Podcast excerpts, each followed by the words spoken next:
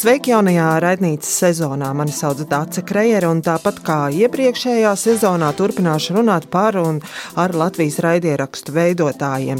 Paldies, ka klausāties, dalāties pārdomās un iesakat arī citiem klausīties ne tikai raidnīcu, bet arī citus raidierakstus. Tāpat priecāšos, ja ieteiks man, ar kuru Latvijas raidierakstu veidotājiem tu vēlētos dzirdēt sarunu raidnīcā, kuri podkāsti tevi ir pārsteiguši, iedvesmojuši un pavada tevi ikdienas gaitās. Raidnīcas otrās sezonas pirmajā raidījumā tiekos ar Elīnu Baltskaru, PCLV galveno redaktoru un raidieraksta kā būt. Kā un ir būt? Raidieraksta, kā ir būt veidotāju. Sveika, Elīna! Sveika! Bieži kļūdās ar nosaukumu. Mēs vispār nereti par šo diskutējam. Jā, mēdz kļūdīties, jo tas var būt gan apgalvojums, var teikt, kā ir būt, var jautāt, kā ir būt, bet ir arī citi podkāsti, kur tā būšanas tēma ir izmantota nosaukumos, un tad mēs reizēm amizanti jokojam par to, labestīgi jokojam par to, ka ir vairākas būšanas, bet mūsējā ir par to, kā ir būt kā ir būt. Jā. Jo es arī pats tā sev domās, piefiksēju, ka tavu podkāstu, jūsu veidoto podkāstu sauc par kā būt. Un tad, kad es ieraugu to nosaukumu savā podkāstu lietotnē, tad, ah, pareizi, tas ir tas nosaukums. Jā, jo mūsu mūs mērķis nav um, atbildēt uz jautājumu, kā būt. Mēs runājam par to, kā ir būt. Mm -hmm. Paldies! Jā. Nu jā, un, Man prieks raidīts jauno sezonu atklāt tieši ar sarunu šeit, Latvijas radio mājā, kurā esmu strādājis vairāk nekā 20 gadus. Mums ar Elīnu darba gaitas radio gaitiņos nav mijušās un krustojušās, tāpēc man tāds prieks tiešām sezonu atklāt ar Latvijas radio tapušu raidierakstu un ar kolēģi, kur tieši pateicoties podkāstam Raidnīca, es varētu iepazīt vismaz šādā veidā. Tā kā jā, es priecājos par mūsu sarunu, un uh, vispirms, Selīna, kā tas ir, kā tev ir strādāt radio mājā? Nu, man strādāt radio mājā ir sanācis diezgan maz patiesībā, jo es radio sāku strādāt uh, divas nedēļas pirms uh, mūsu valstī izsludināja ārkārtas situāciju saistībā ar um, Covid-19 pandēmiju. Un, tāpēc es esmu vairāk strādājusi attālināti kā klātienē. Līdz ar to man māja ir um, joprojām, negribu teikt sveša, bet tādā iepazīšanas procesā un priecājos par katru reizi, kad es varu atgriezties. Bet kā ir strādāt radio? Um, Man ļoti patīk, man ļoti patīk, protams, tas ir ļoti atbildīgi, bet tas ļoti interesanti, jo tev ir jābūt visam pa vidu visu laiku.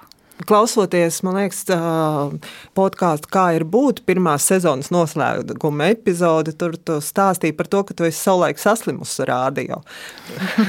Izstāst, tagad tas man, man vienmēr šie stāsti par to, kā cilvēks saslimst rādio, audio vai vienalga kaut kādiem nu, tādiem tieši audio veidiem. Vienmēr tas licies interesanti, uzreiz, oh, kā tas notiek, izstāst savu stāstu. Nu jā, tas bija sen. tas bija sen. Tas bija tad, kad man bija kaut kādi 13, 14 gadi.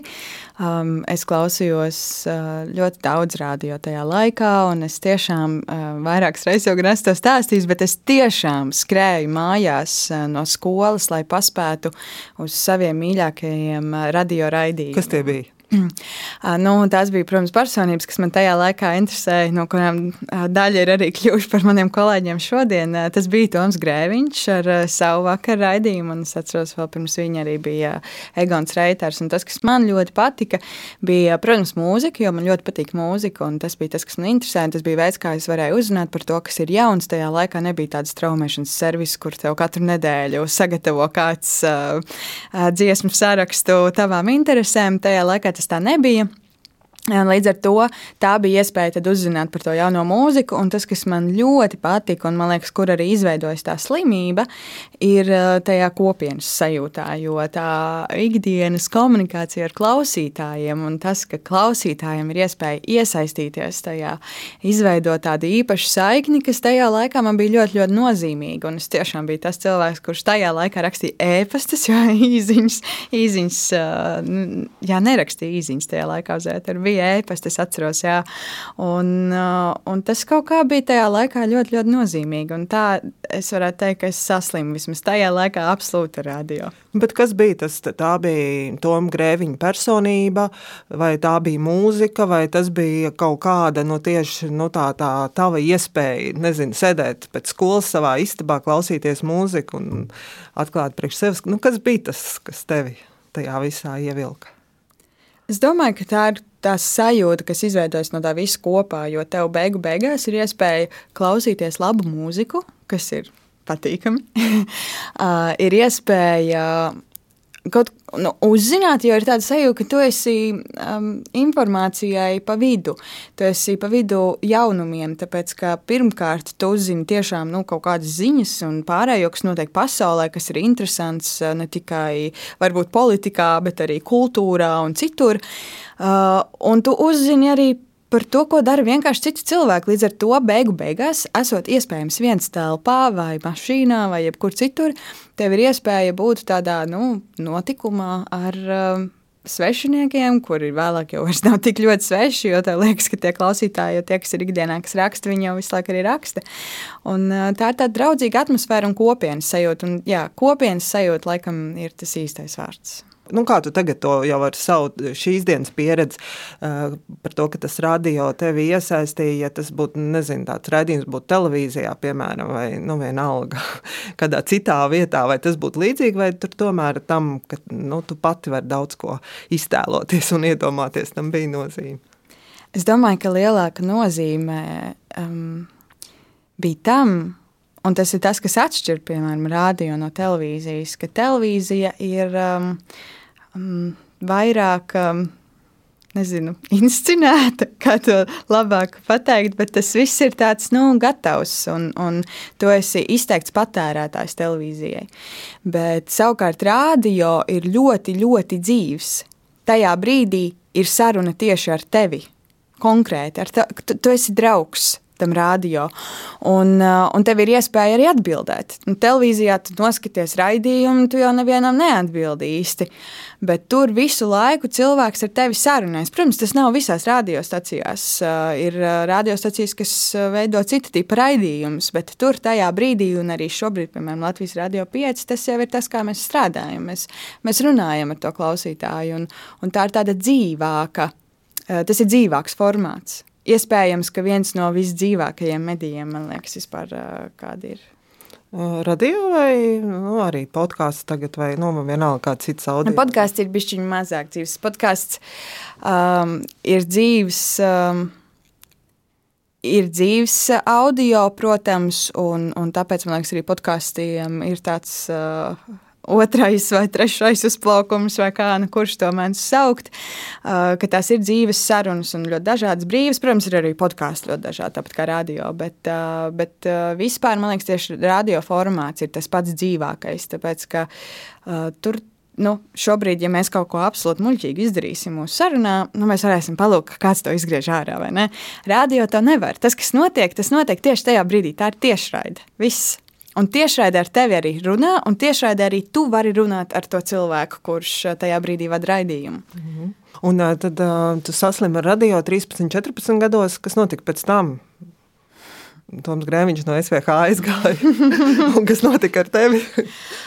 Es sakoju visiem projektiem līdzi. Es atceros, kas tur mainījās un, un darījās. Un arī tad, kad piecinieks izveidojās, es sakoju līdz pieciniekam. Bet tā man pašai dzīve vienkārši saslēdzās, bija citas aktivitātes un pilnīgi cita ikdiena. Un, un loģiski, ka uh, It īpaši radio patērēšana ir ļoti atkarīga no cilvēka dzīvesveida. Ļoti atkarīga.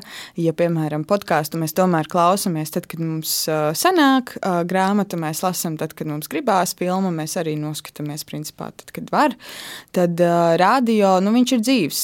Vai nu tu esi tagad, vai nu vēlāk, jo tam vairs nav nekādas nozīmes. Un, uh, un arī tas dzīvesveids vienkārši ļoti strauji mainījās un vairs nebija tādas iespējas tik daudz klausīties radio, izņemot tiešām pārvietojoties automobīlī.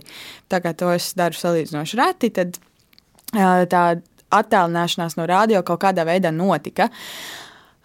Bet man nepazuda nevienā brīdī interese, kas man arī ir ļoti dzīva un īsta ilgu laiku. Ir viens man ļoti interesē. Mm, sabiedrība, man ļoti interesē cilvēki, man ļoti interesē jauni cilvēki, un es tur redzu lielu pievienoto vērtību. Un es esmu vienmēr gribējis darīt kaut ko sabiedrības labā, um, un, un līdz ar to Tad, kad arī bija iespēja strādāt sabiedriskajā mēdījā, man liekas, nu, tas ir milzīgs pagodinājums. Tā ir, tā ir milzīga iespēja strādāt absolūti neatkarīgā mēdījā. Un, un, jā, tāpēc vis, visas tās lietiņas saslēdzās kopā.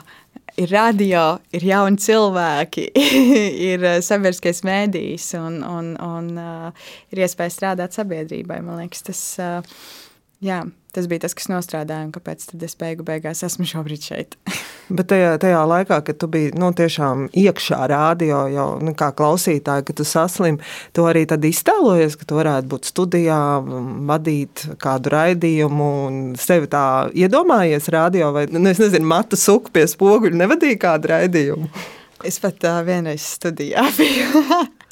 jo bija, es atceros, tajā laikā Rādio SVH jā, bija. Um, 1. Mm, jūnijā ir Startautiskā bērnu aizsardzības diena, un viņiem sen bija tāda akcija, ka bija jāsūta pieteikums, video pieteikums, lai uz vienu dienu tajā dienā būtu ēterā. Kādā no ēteru laikiem. Un es piedalījos šajā akcijā, es atceros, un es vadīju ēteru kopā ar um, Egonu Reiteru. Uh, vēl mēs bijām, mēs bijām kopā trīs jaunieši. Un tas uh, bija man tāds pirmais uh, lielais uh, radio lampu drudzis droši vien, jo es ļoti labi atceros, kā man trīcēja visus iekšā, kad es iegāju tajā studijā iekšā un man principā momentā iedeva lapu, lasi ziņas. Un es lasīju, un tur bija kaut kādi drausmīgi sarežģīti uzvārdi, um, kas nebija latviešu uzvārdi. Ļoti sarežģīti. Un es atceros, ka es centos ļoti, un es tāpat pārteicos, un es runāju no uztraukuma ļoti ātri. Un tad man teica, pagaidi, pagaidi, tagad būs maziņš tāds jingliņš, un tev būs vēl laika ziņas, bet pišķi, pišķi lēnāk. Tā, bet man, protams, man bija 13 vai 14 gadi tajā laikā, es neatceros precīzi. Uh, bet uh, jā, līdz ar to. Uh, bija man uh, vismaz tāda pieredze, bet es vispār es, um, es reizēm nu, runājos ar sevi bet nu, es stāstu sev lietas, un, un, un uh, tas man kaut kā palīdz uh, reizēm formulēt kaut kādas domas vai tam līdzīgi.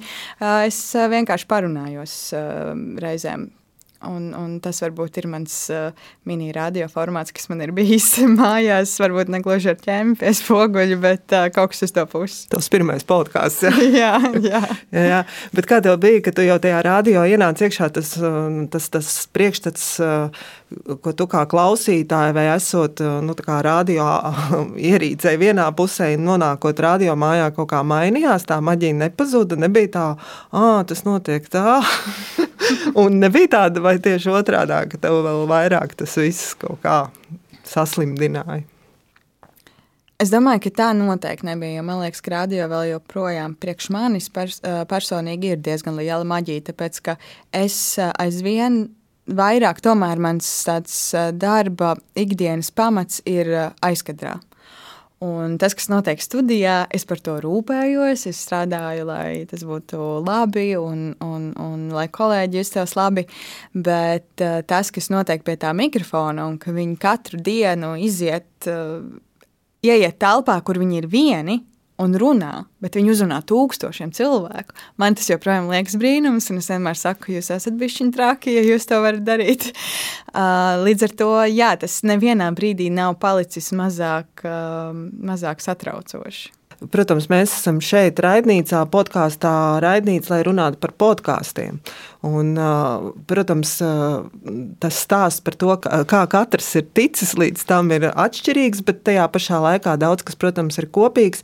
Varbūt pirms tu sā, sākam runāt par podkāstu, kā ir būt, varbūt kāda tā tava podkāstu pieredze, vai tu jau pirms tam biji saslimusi ar podkāstiem, vai podkāsts tev tā sacīt, ievilka tad, kad tas jau bija tīri tev profesionāli, jau bija jādara. Kāda tā tava pieredze ir? Arī šeit ir vēl viens jāvelk atkal stāsts uz tiem pašiem 13, 14 gadiem, jo es ļoti labi atceros to, ka uh, viens no tiem puišiem, ar kuriem kopā mēs uh, vadījām to ēteru tajā bērnu dienā, Krišs Kupruks vārdā, uh, viņš uh, Viņš bija vēl jaunāks, man liekas, viņam bija 11 varbūt tajā laikā. Un uh, viņš taisīja podkāstu. Tas, tas bija sen, un uh, viņš taisīja podkāstu. Un es atceros, ka es vienā piedalījos. Varbūt kaut kur šajā pasaulē šis audio fails vēl mētājas, tas bija caur Skype, tur kaut kā ierakstīts un, un pilnīgs, pilnīgs uh, absurds un joks droši vien šobrīd šķīsti. Jā, citu ar Krišu sarunu jau raidnīcā mums ir bijusi. Mēs esam runājuši par tiem pirmajiem Latvijas podkāstiem. Tā kā, nu, tā kā ja kādam interesē par to, kā Krišs agrā bērnībā uzsāka savu podkāstu pieredzi, tad no var noteikti šādu epizodu atrast raidnīcas iepriekšējā sezonā. Nu, re, tad, tad tas ir stā, tas stāsts, jau tad ir izstāstīts. Bet kopumā runājot par podkāstiem, nu, audio formātu, man liekas, podkāstu tā pa īstam un to, ko patiesībā var no šī formāta nu, teikt, izspiest ārā. Es sapratu tikai tad, kad es jau nonācu profesionālā saskarsmē ar to, jo man bija kaut kāds priekšstats par to, kas ir podkāsts. Un, un, un, nu, principā man bija ļoti vienkārši tā ir intervija. Tas ir tas, arī, ko es daudz klausījos, vienkārši intervijas ar cilvēkiem. Bet tad, kad es sāku par to vairāk un vairāk interesēties, un es sapratu, cik dažādi var būt podkāsti, un, un, un tad man ir kaut kādi savi, mani tuvākie, mīļākie podkāsti, kas ir atkal vairāk par mūziku, un tur ir pilnīgi citi cits tā, tāda producēšanas pieeja un visa režija un viss pilnīgi citādi nekā es vienkārši domāju par interviju. Un tas man bija tāds liels atklājums, ko man liekas. Vēl var ļoti daudz izmantot dažādus šos podkāstu formātus, un, un tas ir kaut kas tāds, ko es noteikti arī vēl gribētu kādreiz dzīvē pamēģināt. mm. Bet, ja tu salīdzini radio un podkāstu, kā tu to varētu, nu, ka, kas ir tas priekšrocība vienam, priekšrocība otram? Mēs jau runājām par to tiešo ēteru un to mirkli šeit un tagad, kas podkāstā, protams, ir jau tādā iekonservētā veidā, bet varbūt tu vēl kaut ko redzi, kas nu, tev atš vismaz tev pašai atšķiras šie abi divi veidi, kā saņemt to audio produktu.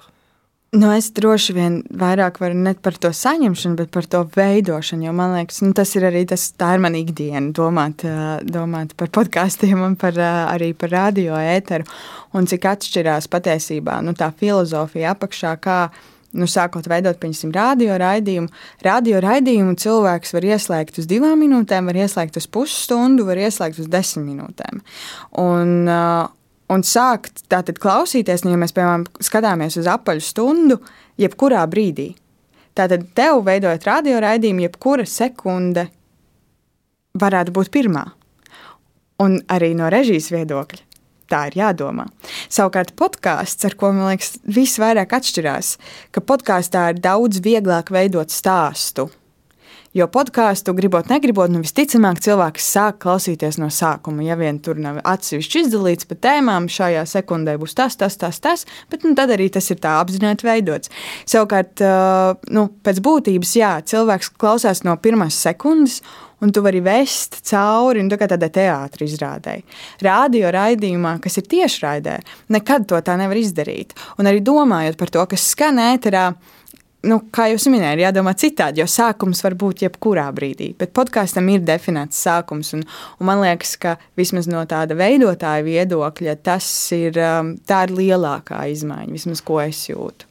Mhm. Un, protams, nu, tas, ka tu vari domāt par montāžām, un tas nav dzīves, un, un, un tas tev pavēr kaut kādas jaunas iespējas. Savukārt, protams, uh, nu, podkāstā dzīve interakcija tajā brīdī ar uh, klausītājiem atkal nav iespējama. Nu, Un šobrīd ar to pieredzi, kas tev ir, kas tev, ir, kas tev vairāk patīk, radio vai podkāstu? Tas ir izaicinošs jautājums. Nē, man jāsaka, man tiešām nu, no tādas ētera pieredze man ir salīdzinoši neliela, kas ir ārpus kārtas pagājušā gadā dod pieci studijā. Tā ir mana tāda tiešā ētera pieredze lielākā, kas arī, protams, ir absolūti ekstremāli apstākļi, ko nevar salīdzināt ar ikdienas ēteru nevienā, nevienā brīdī. Un, un tāpēc to ir grūti pateikt, bet es nedomāju, ka tur ir ir labāks vai sliktāks. Jo man liekas, ka katrs šis formāts ir vienkārši paredzēts kaut kam citam. Ir stāsti, ko tu nekad nevarēsi izstāstīt podkāstā, un ir stāsti, ko tu nekad nevarēsi izstāstīt radio tiešajā ēterā. Tāpēc, tāpat kā mēs izvēlamies kaut kādu informāciju nodot attēlos vai video, ir tāpat arī informācija, ko labāk nodot ar podkāstu formātu, un kaut kāda informācija, ko labāk nodot ar radio formātu. Vai tu atceries to brīdi, kad bija? Nu, labi, tad taisam podkāstu. Kā ir būt? Ļoti labi atceros. bija vairāk kā pirms gada, nedaudz vairāk kā pirms gada. Um, tas sākās, um, tas vispār kā ir būt, ir ļoti likumsakarīgs uh, rezultāts. Jo nevienā brīdī nebija pašmērķis taisam podkāstu. Un, uh, kā ir... nebija tā, ka atver durvis. Man būs savs podkāsts. Nē, vispār nē. Uh, Un, un tas, ka būs podkāsts, tiešām arī izauga no tā, ka mums ir stāsts, ko mēs gribam izstāstīt, kā mēs to vislabāk varam izdarīt. Un tikai tā un atbilde šo jautājumu bija podkāsts. Jo pandēmija jau bija sākusies un, un, un jau gāja uz priekšu, un, un tas bija brīdis, kad arī rādio tas, protams, ļoti ietekmēja. Tāpēc, ka uh, daudz kas nevarēja notikt klātienē, un uh, visvairāk patiesībā tas ietekmēja arī tos raidījumus, kur ir jābūt vairākiem cilvēkiem studijā. Un pirms tam bija viens tāds raidījums pieciniekā, un mēs saprotam, ka šajos apstākļos viņš vienkārši ir um, drausmīgi apgrūtinošs, un, un, un viņš ne, nevar vairs izpildīt to kvalitāti, kādu mēs, uh, mēs gribētu. Un, eh, un tas bija tikai viens tāds faktors, kas eksistēja, un, un mēs saprotam, ka jādara kaut kas jauns, bet, um, bet ārpus tā man bija vienkārši saruna par pilnīgi kaut ko citu ar manu nu, jau kolēģi, mūsu piecinieka ārštata autoru. Eh, Jānis Čīnastu. Mēs vienkārši runājām par pandēmiju, par to, kāds ietekmē mūsu dzīvi. Un sākām runāt par to, cik liela starpība ir par pandēmiju, nu, attiecībā uz pandēmijas ietekmi, starp to, kā tas ietekmē, piemēram, cilvēku 40 gados, un kā tas ietekmē cilvēku 20 gados, 19, 18. Un mēs saprotam, ka tā starpība ir milzīga. Jo jauns cilvēks tas ietekmē daudz, daudz vairāk. Uh, tieši tāpēc, ka nu, tas gads, ga, gada tas tvērums tajos uh, svaigajos um, uh, 20 gados ir uh, daudz nozīmīgāks. Tās ir pirmās satikšanās, eh, nezinu, augstskolā un tā kāda tīklošana, pirmās darba iespējas, un tagad tas viss pēkšņi nav. Bet tas ir tas, kas nu, aizvedīs to cilvēku kaut kur dzīvē, visticamāk. Savukārt, nu, 40 gados nu, tā dzīve visticamāk jau ir nostabilizējusies, un, un tas līdz ar to vairs nav tik svarīgi. Un mēs sākām runāt par visām mentālajām problēmām, visu, visu, visu, visu draudzības, attiecības. Un, Un uh, saprotam, ka dūli, nu, kā ir vispār, nu, kā ir būt jaunam cilvēkam pandēmijā, un beig, beigās, nu, kas mums var palīdzēt šo, šo izdzīvot. Un, un uh, aizgājām līdz tam, cik svarīgi ir, ka mēs spējam mm, iedziļināties tajā, cik dažādi mums ir cilvēki apkārt, un ka tas var mums palīdzēt šajā pasaulē, ka mēs šīs pieredzes uzklausām. Jo Mm, tikai tā mēs to pasauli varam paplašināt. Citādi, ja mēs dzīvojam tikai caur savu pieredzes prizmu, nu mums ir kaut kāds viens priekšstats. Savukārt, ja mēs apzināti klausāmies, kā, kā ir būt citiem, viens ir. Mēs saprotam, hei, es ar savu, es ar savu problēmu neesmu viens pasaulē, tā jūtas arī vēl kāds. Un tajā pašā laikā mēs iegūstam visticamāk arī sajūtu, o, bet var būt arī tā. Un tās ir divas sajūtas, kuras ikdienā ļoti, ļoti svarīgas. Un, un tad mēs sapratām, jā, iedomājieties, kā tur būtu runāt ar cilvēkiem, kas ir darījuši to un kas ir darījuši to, un, un nezinu, kāpuši kalnos. Man nav jāsams, kāda tā sajūta, vai iedomājieties, kā ir runāt ar cilvēku, kurš ir. Um, Mēģinājis izdarīt pašnāvību. Man nav nejausmas, kāda tā ir sajūta, bet tad dodam iespēju šiem cilvēkiem runāt, stāstīt par savām pieredzēm. Un, nu, kā to vislabāk izdarīt? tad uz šo jautājumu atbilde bija podkāsts. Ka, ja mēs vēlamies veidot sarunas, kas ir atvērtas, cieņpilnas un, un absolūti patiesas, Vislabākais ir sarunāties pa īstam, kā to izdarīt podkāstā, kurš notiek pa īstam. Un tajā brīdī tev bija skaidrs, nu tā, nu, kā, kā podkāstu taisīt. Vai nu, for, kā formāts ir atrasts, bet kā to izdarīt?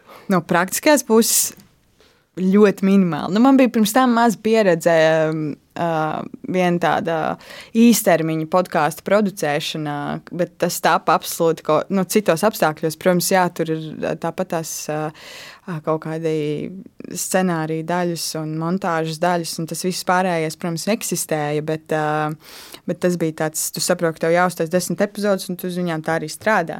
Savukārt šeit tu saproti, ka tev ir jātais kaut kas tāds, kas būs, nu, mums, mēs zinām, mēs taisīsim vismaz tādu un tādu laika periodu, tas ir garš laika periods, un kā tu to organizēsi un vispārējo. Protams, ka sākumā tā bija nedaudz liela mistērija, bet kas ir labi strādājot radio, ka katrs dara savu darbiņu. Un paldies visiem tiem tehniskajiem cilvēkiem, kas arī šeit ir aiz sienas, kuri, kuri risina tehniskās lietas un visas citas lietas, lai, lai tas podkāsts katru pirmdienu varētu būt uh, pie klausītājiem. Mm, un kā tev pašai bija tā sajūta, ka tas būs podkāstā, nevis, piemēram, radio ēterā? Nu, vismaz tā oriģinālā versija. Um, tāda tā sajūta bija, un tāda viņa joprojām arī ir. Tieši tā iemesla dēļ, laikam, ko es pirms tam stāstīju, cik dažādi nu atšķirās tomēr tā domāšana, kad tu veido. Jo šādas sarunas, un tās sarunas mūsu podkāstā ir tiešām ļoti atklātas. Un tās ir tādas um, reizēm intīmas, gribētu teikt, par cilvēku iekšējo pasauli, par tiešām par to, kā viņi jūtas. Cilvēki ir arī raudājuši reizēm un, un, un smējušies, un tas ir ļoti dzīves kaut kas. Un radio ēterā pirmkārt tev ierobežo chronometrāžu. Es, piemēram, zinātu, ka man jābūt tagad tieši nezinu, 45 minūtēm, tad ir ziņas, vai tad ir dziesma, vai kaut kas tāds. Nu, tādā vidē šādu tik brīvu sarunu nav iespējams organizēt. Uh, savukārt, podkāstu formāts mums dod iespēju absolūti uh, brīvi, nepiespiesti, bez jebkādiem ierobežojumiem, vienkārši izslēgt telefonu, aiztaisīt durvis un runāt. Absolūti brīvi, bez tā, ka ir kaut kas tajā brīdī jāuztraucas par ēteru un vispārējo. Un arī, protams, tā režija ir pilnīgi citāda, jo nekas tev nepārtrauc. Tev nepārtrauc dziesmas, tev nepārtrauc kādas, uh, kaut kādi iestarpinājumi, kaut kas cits. Un, uh, līdz ar to bija absolūti skaidrs, ka tam ir jābūt podkāstam. Lai mums nevienā brīdī nav jāskaita sekundes. Jo, ja cilvēks stāsta šobrīd to savu lielo dzīves pieredzi, mums viņa ir jāklausās tajā brīdī. Un, un, un podkāsts mums dod daudz lielāku brīvību nekā šādām sarunām uh, dotu uh, radio ēters. Un tu tajā jūties arī pati ērti, tev patīk? Nu, ja man nepatīk, tas tā nedarīt. protams, man, protams, ka man patīk. Man ir liels izaicinājums, protams. Um, bet uh, es pilnīgi varu teikt, ka nu, jau podkāstam ir apritējis. Tātad ir viena sezona, un, un tagad septembrī sākas otra sezona. Pirmajā sezonā ir aizdīts 36 sarunas. Es reizēm domāju, kādā vēl dzīvēm man būtu tāda iespēja satikt 36 tik unikālus cilvēkus ar tik unikālām pieredzēm, un nevis runāt par kaut to, kāda ir laikapstākļi, ja? bet uh, uzreiz runāt par lietu, par lielām lietām, par dzīvi, par, par to, kas ir svarīgs ikdienā un kas mums tik ļoti rūp patiesībā visiem. Un, tā ir nenovērtējama pieredze. Es absolūti varu teikt, ka tas, tas gads un tā pirmā sezona ir mainījusi mani, ir mainījusi manu domāšanu, un, un tās sarunas manī ir arī ļoti, tādā personīgā līmenī, ļoti, ļoti dzīves. Un, un uh, man joprojām ir tāda patīkama satraukuma sajūta. Uh, domāt par to, kas būs, kas būs tā nākamā pieredze, ko mēs varam iepazīt ar kādu cilvēku, kas ir tas, ko mēs vēlamies parādīt un izstāstīt, un, un kādu stāstu dzirdēt un uzklausīt. Uh, man ļoti patīk, uh, tiešām man ļoti patīk veidot podkāstu, kā ir būt. Jā, interesanti, ka podkāstā kā ir būt uh, uzmanības centrā. Ne tik daudz ir sarunas varonis, bet vairāk ir kāda tēma, kur jūs kopīgi ķidājat. Tad bieži vien uzdod tādus jautājumus, kas iedzen to varoni stūrī. un, un tad uh, varonis tiek uh, galā ar šo jautājumu, to adresējot, pāradresējot tev atpakaļ. un, un tad jūs mēģināt to šķetināt. Un klausoties šīs sarunas, man likās, ka tās tādas tiešām ir tādas jauneklīgās sarunas, jauniešu sarunas, kad, kad vēl dzīve ieskrienās. Protams, tavu varoņi ir tādi, kas ir dabūjuši arī pamatīgs dzīves belziens, un kurus nevar tā teikt, ka viņas dzīve nav vispār vēl iesvētījis, bet bieži vien tie jautājumi ir, kad ir tik daudz skaidrs par to, kā ir būt, bet vēl nav pieredzes, kā tas ir. Un, un tad šīs sarunas, tad šīs sarunas raisās par šīm lietām, tad, nu tā, tev klausoties, mēs esam, varētu teikt, dažā, no dažādām paudzēm, bet tad citreiz klausos, jā, es atceros, šitā, šitā bija, šitā mēs runājām.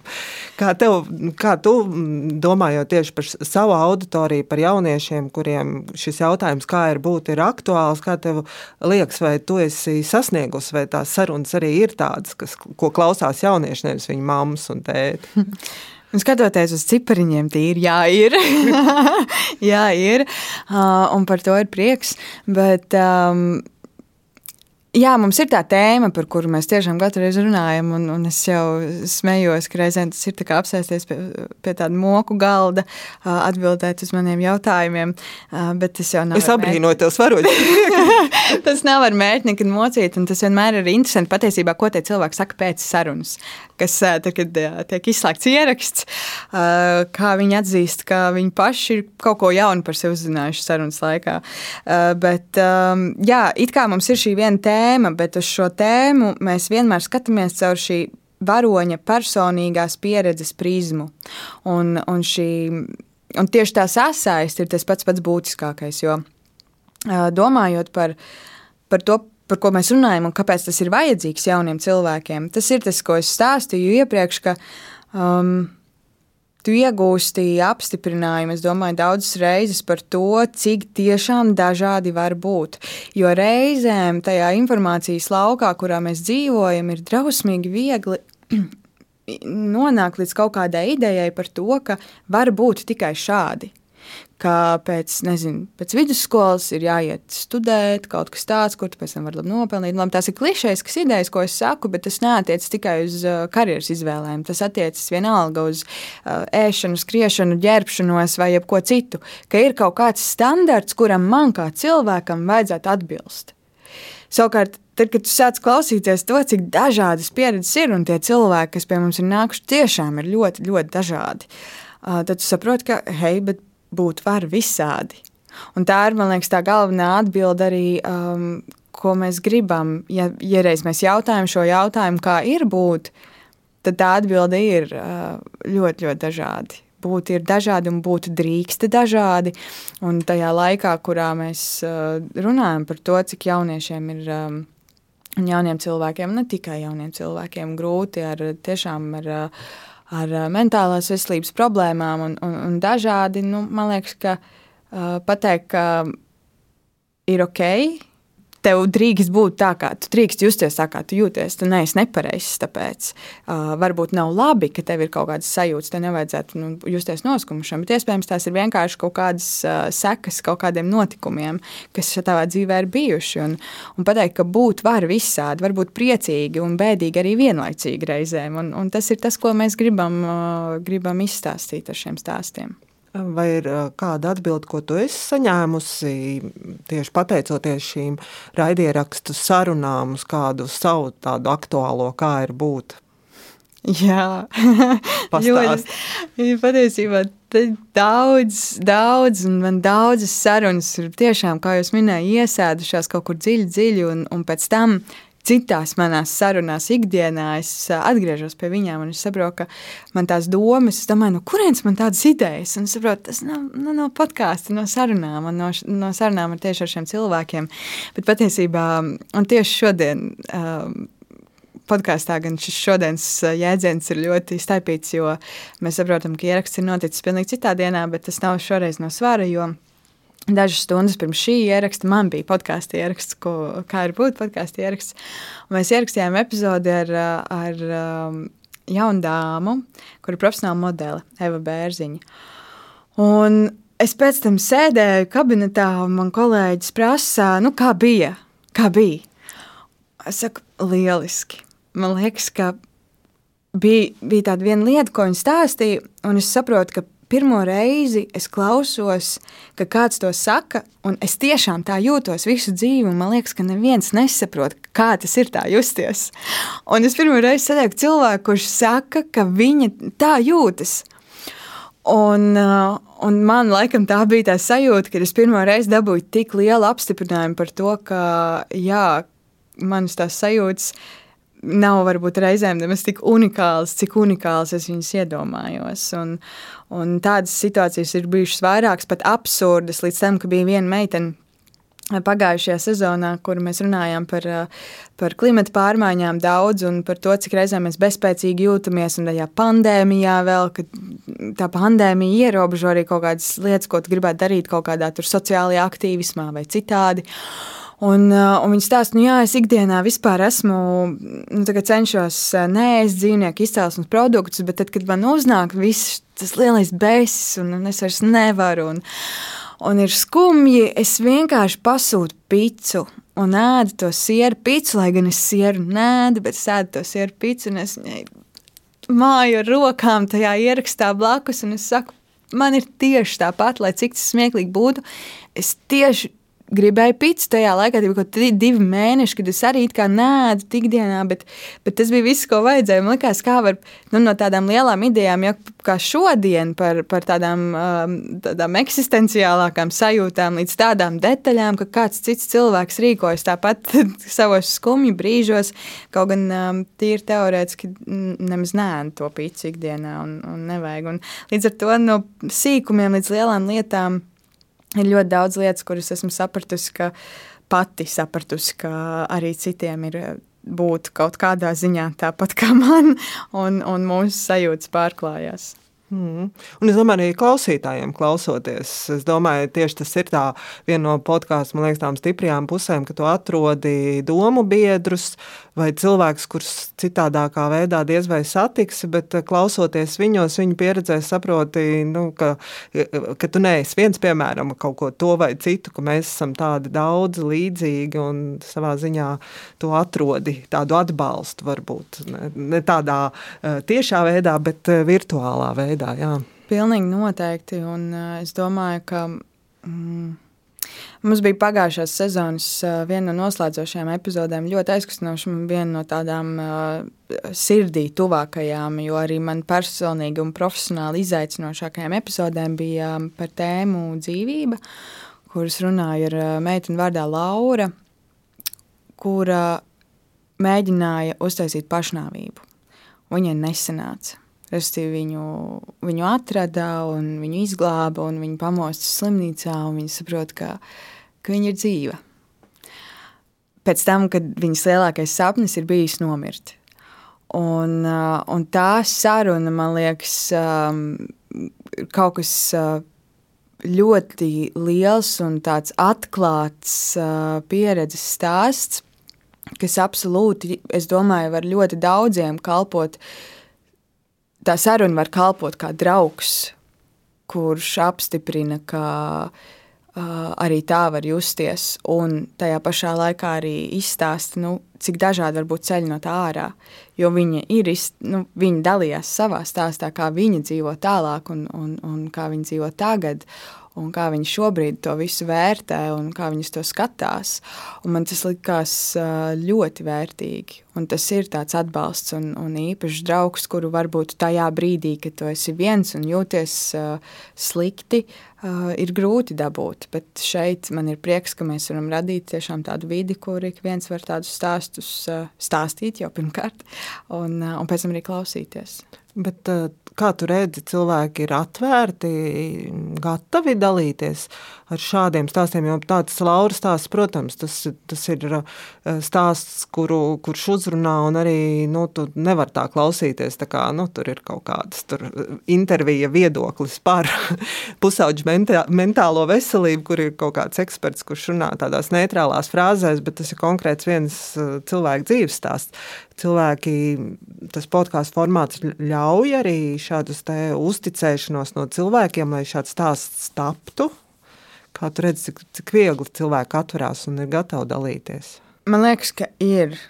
Man liekas, ka tiešām ir ne katrs un nevienmēr uzreiz mēs arī esam ļoti atšķirīgi kā cilvēki. Un, un tas ir mans lielais izaicinājums. Viņus bišķiņi paskubināt un atvērt vaļā. Un tāpēc ir tie reizēm briesmīgie jautājumi, kā izklausās no malas, bet tie ir gatavi. Un man liekas, tieši tāpēc, ka arī, nu, ja mēs runājam tieši par tādu nu, emocionālo veselību un, un, un to tēmu, kas tiešām ir karsta un aktuāla, kā jau Mm, tas nav eksperts vienkārši, kas runā abstraktās frāzēs. Un mums ļoti vajag šos cilvēku stāstus, jo, lai gan it kā par mentālo veselību runā diezgan daudz šobrīd, ir dažādi projekti, akcijas, reklāmas kampaņas, veselības ministrijai un visādi citādi. Uh, joprojām liekas daudziem, ka par to runā par maz. Un man kaut kāda tāda sajūta, ka viena no tām lietām, kas iztrūkst šajā dialogā, kas ir publiskajā telpā, ir tieši šie ļoti patiesie un atklātie stāsti. Un, un man liekas, ka mums katram iekšā kaut kur ir vēlme dalīties ar savu stāstu, jo mums. Uh, ir cilvēki, kuri apzinās, ka viņu stāsts var palīdzēt kādam citam, kaut vai vienam cilvēkam, bet tas jau ir daudz. Un, uh, un mums ir arī vēlme klausīties citus stāstus, bet, ja mēs gribam klausīties citus, mums ir arī jās, jāpastāsta savējais. Un cilvēki ir gatavi dalīties. Es reizēm, es, es reizēm brīnos, mums ir arī anonīmi stāsti. Protams, ir arī anonīmi stāsti, bet uh, tas nemaina to, ka es abrīnoju to, ka šie cilvēki ir uzdrīkstējušies uh, dalīties savā stāstā. Ja mums bija pirms dot pieci Um, viens puisis, kurš uh, ir bijis uh, homoseksuālās, vardarbīgās attiecībās. Un, uh, viņam šobrīd pašam, man liekas, es pareizi atceros, ir tikai 25 gadi. Un, uh, un viņš dalījās savā pieredzē arī ļoti, ļoti atklāti un, un tieši. Un viņš tā arī teica, ka, ja kaut vienam cilvēkam tas var palīdzēt aiziet no vardarbīgām attiecībām, ka viņš ir gatavs stāstīt. Es kā klausītājai gribu teikt, jā, jā es gribu tieši šos stāstus, kur, kur parādās tā, tā, tā, tās lietas, kas tiešām tādās ikdienas ziņās nekad mēs to nelasīsim vai nedzirdēsim. Mm, bet kā, kā tu atrod to stāstu? Kā tie cilvēki pie tevis atnāk? Ne jau viņi stāv domu laukumā. un, e, ir, vien, ir, ir, bijuši pār, ne, ir bijuši pāris gadījumi, kad cilvēki paši uzraksta. Ir tiešām bijuši cilvēki, kas paši raksta. Um, no šiem cilvēkiem gan ir tikai viens stāsts, kurš ir aizgājis, ko mēs esam tiešām uzklausījuši. Bet tas arī bija uh, sakritība tajā brīdī, kad mēs tieši tādu cilvēku arī meklējām. Un tāds cilvēks absolūti nesaistīti mums uzrakstīja. Uh, bet vispār tie cilvēku meklējumi ir arī laikam īpašs process. Un, un tad, kad tā sezona iet, un tev ir katru nedēļu pie tāda stāsta jātiek. Tas ir liels, liels izaicinājums, bet uh, no dažādiem ceļiem patiesībā. Ir reizes, kad um, mēs ieraugām konkrētu cilvēku tiešām kaut kur, vai tas ir uh, draugu paziņu lokā, sociālajos tīklos, publiskajā telpā, dzirdam kādu stāstu par kādu konkrētu personu un saprotam, ka šī ir pieredze, par kuru mēs vēlamies dzirdēt. Tas ir viens variants. Uh, Uh, otrs variants ir, uh, ka mēs uh, ejam no otras perspektīvas, ka mēs saprotam, kādu pieredzi mēs gribam dzirdēt. Un tad meklējam to cilvēku. Atkal mēs sakām draugiem, paziņām, vai arī rakst, es esmu meklējis internetā, es esmu atradis cilvēkus rakstot uh, Twitterī un Instagramā, ka es meklēju priekšraidījumu šādu pieredzi stāstu un likusi visur, kur vien es varu ielikt, kas tad ir tā pieredze, ko es meklēju. Un tad arī cilvēki nereti atsaucās. Ir, ir pieredze, ko mēs vēl neesam saganījuši, tā teikt, bet es ceru, ka saganīsim. Uh, un uh, ir vēl daudz pieredzes, ko mēs uh, meklēsim tikai un klausīsimies. Līdz ar to jā, ir grūti. Nav viena formula tam, kā mēs sameklējam šos cilvēkus, bet uh, katrs cilvēks atnāk kaut kādā diezgan unikālā veidā pie mums. Un tev ir bijis, kad uh, ir bijis nu, nu, lielisks stāsts, bet es domāju, tādā, nu, ka tas, tas tiešām wow, tas ir, kas mums vajadzīgs, bet cilvēks nav gatavs to stāstīt podkāstā. Mm -hmm. hmm. Nav izdevies pierunāt, vai nav izdevies. Man liekas, ka tā nav. Tā, tā tiešām nav bijis. Es cenšos šobrīd ātri tikt to filmu atpakaļ. Uh, Nav tāda pieredze bijusi, ka kāds cilvēks atteiktos. Tiešām, jā. Mm. Ļoti laimīgi. tad, eh, tad sezona sākas um, par tiem stāstiem, ko tu meklē, vai kas ir tie stāsti, ko tu vēlies uh, izstāstīt šajā jaunajā sezonā? Es domāju, ka ir daļa no stāstiem, kurus uh, mēs arī vēl nezinām, ka mēs gribēsim nemaz stāstīt, jo tas ir arī, um, ko mēs cenšamies darīt, ir bieži vien sekot kaut kādai um, tā brīža aktualitātei. Um, tam, kas notiek publiskajā telpā, ko mēs redzam mēdījos, uh, un šim notikumam kaut kādā sasaistē iedot uh, kāda cilvēka personīgu pieredzes stāstu, kas ir ar to saistīts. Uh, Uh, un tas ir viens.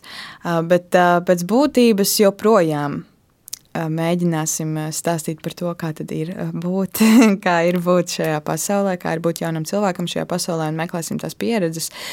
Um, ir, um, mēs joprojām meklēsim um, pieredzes no tiem cilvēkiem, kurus, kā tu minēji, kurus mēs tā vienkārši visticamāk nevarētu satikt. Es, piemēram, ļoti gribu parunāt ar uh, kādu cirka mākslinieku. Jo, jo man liekas, ka uh, cirka pasaule, um, ir īpaši runājot par ceļojošo kaut kādu cirku, um, un, piemēram, par šo cilvēku piederības sajūtu kā viņi jūt piederību, man, piederību vietai tieši. Man liekas, ka tas varētu būt ļoti interesanti.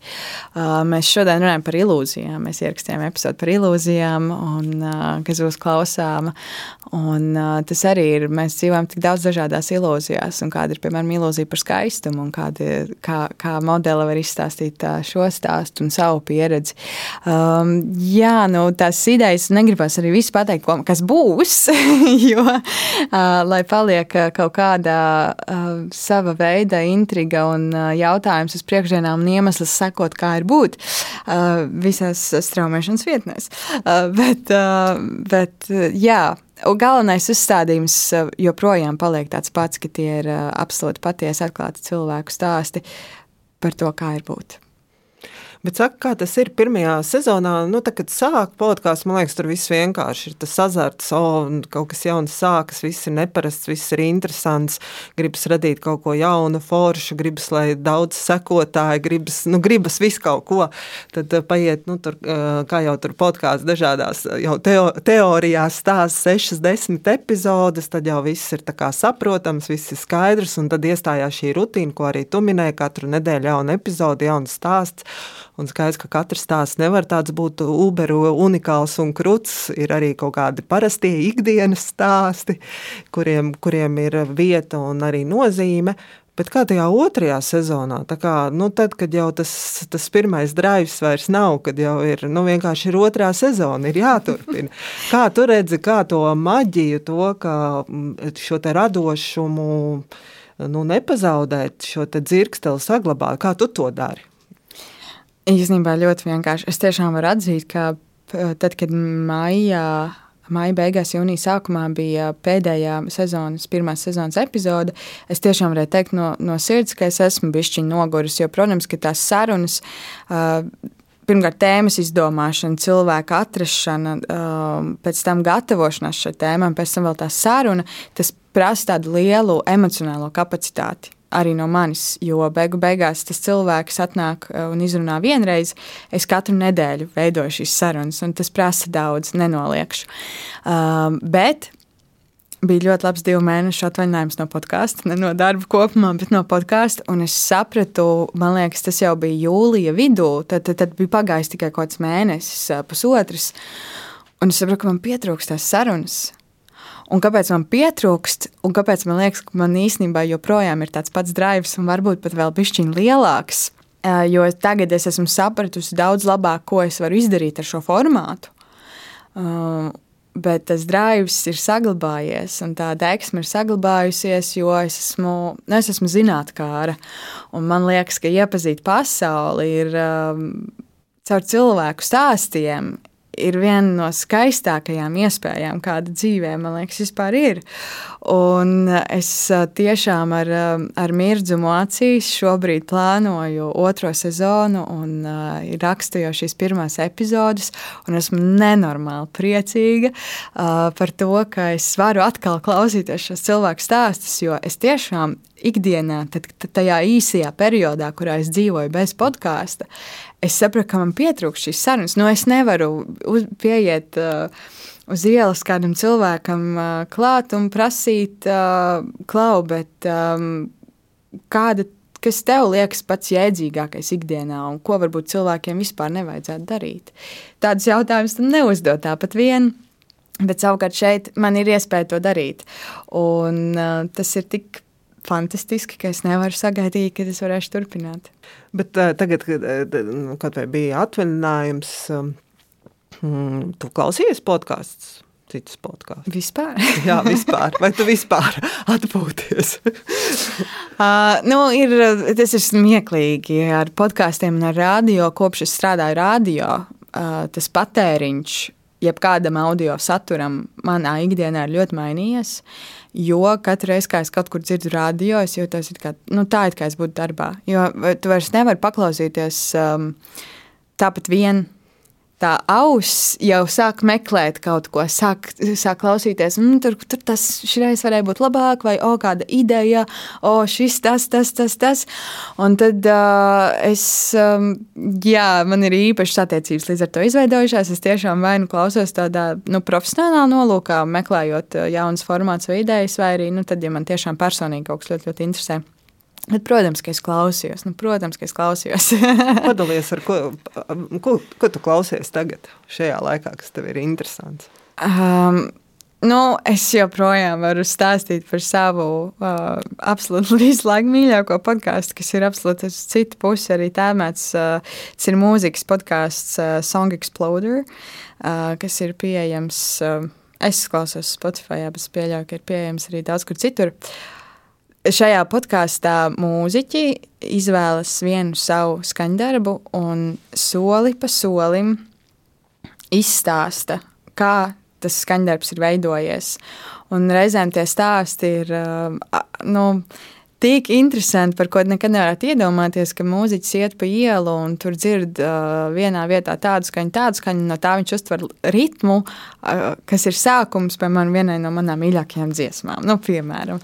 Un uh, ļoti, ļoti interesants viss tas um, arī ražošanas process un producēšanas process. Um, Un kā vienmēr tas aizklausīs ir interesants, un, un arī pēc tam citādi sāc klausīties mūziku. Un, un šis podkāsts man iedvesmo ne tikai, protams, man patīk tas saturs, un es to uztveru, bet uh, to es viņu klausos jau vairākus uh, gadus. Man ļoti arī tieši iedvesmo tas, kā viņš ir noformēts, un, un visādas tādas detaļas, ko es arī esmu paņēmis, kaut kādas sīkums priekš, kā ir būt. Vai tev ir ieteikums kādu Latvijas, Latvijā tapušu raidierakstu veidotāju, ko tu man ieteiktu, ko vajadzētu nointervēt? Man liekas, šeit jau daudz ir bijuši, ne? Es, es, esmu, es esmu apmēram kaut ko redzējis, kas ir bijis. Tagad man dod nedaudz laika padomāt, kas varētu būt. Nē, nu, tas, kas tev liekas ļoti interesants. Tur...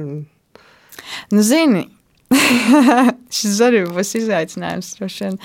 Um, es domāju, ka ir, ir tāds podkāsts vai viegli būt. Kas ir arī par uh, jauniešu veidots podkāsts, un, uh, kur veido Rojas Rodžers un Kristiāna Grāmatiņa. Man liekas, ka viņi būtu lieliski viesi šeit pie tevis. Tu nodod to stafetes kociņu. Es ja? nododu viņiem stafetes kociņu. Uh, jā, jā. jā, viņu ir manā sarakstā. ļoti labi. es nodošu viņiem sveicienu no tevis. jā, jā, labi stīgs sveiciens. Labi stīgs, jā. Nu, Forši bija ar tevi iepazīties, jo Hu mums abām ir otrā sezona. Es apsveicu tevi ar to. Un es ceru, ka tev un man mūsu raidierakstiem otrā sezona būs īpaši interesanta un kaut kādā veidā da, da, ar kaut ko citu atšķirīgu nekā pirmā. Un kaut ko jaunu atradīsim, iemācīsimies un varēsim arī saviem klausītājiem tālāk nodot un savukārt no viņiem saņemt kādas atsauksmes, vērtējumus vai vienkārši uzmundrinājumus. Un, Un, un, ka, mē, un ka mums ir šī iespēja veidot raidierakstus, jo mūs kāds klausās, par ko, protams, visiem liels paldies. Tā kā klausieties arī Elīnas veidoto, kā ir būt Latvijas radio podkāsts vai kā pareizi sauc. Jā, Latvijas radio 5, 5 LV veidotais podkāsts, kā ir būt. Jā, un eh, to veido Elīna Balskara. Paldies! Bija forši iepazīties ar tevi klātienē. Un eh, jā, paldies arī visiem, kas klausījās mūsu sarunu tiekamies nākamajos raidierakstos. Um, jā, es ceru, ka šī sezona Latvijas raidierakstu veidotājiem būs tāda, tāda būs interesanta un būs citādāk nekā jā, iepriekšējā, kas daudziem pagāja pandēmijas zīmē. Skatīsimies, kāda būs šī sezona. Tad par to arī noteikti stāstīsim arī savās epizodēs, kuras um, ķidāsim un runāsim un tiksimies ar citiem raidierakstu veidotājiem. Paldies, un tad tiekamies jau nākamnedēļ.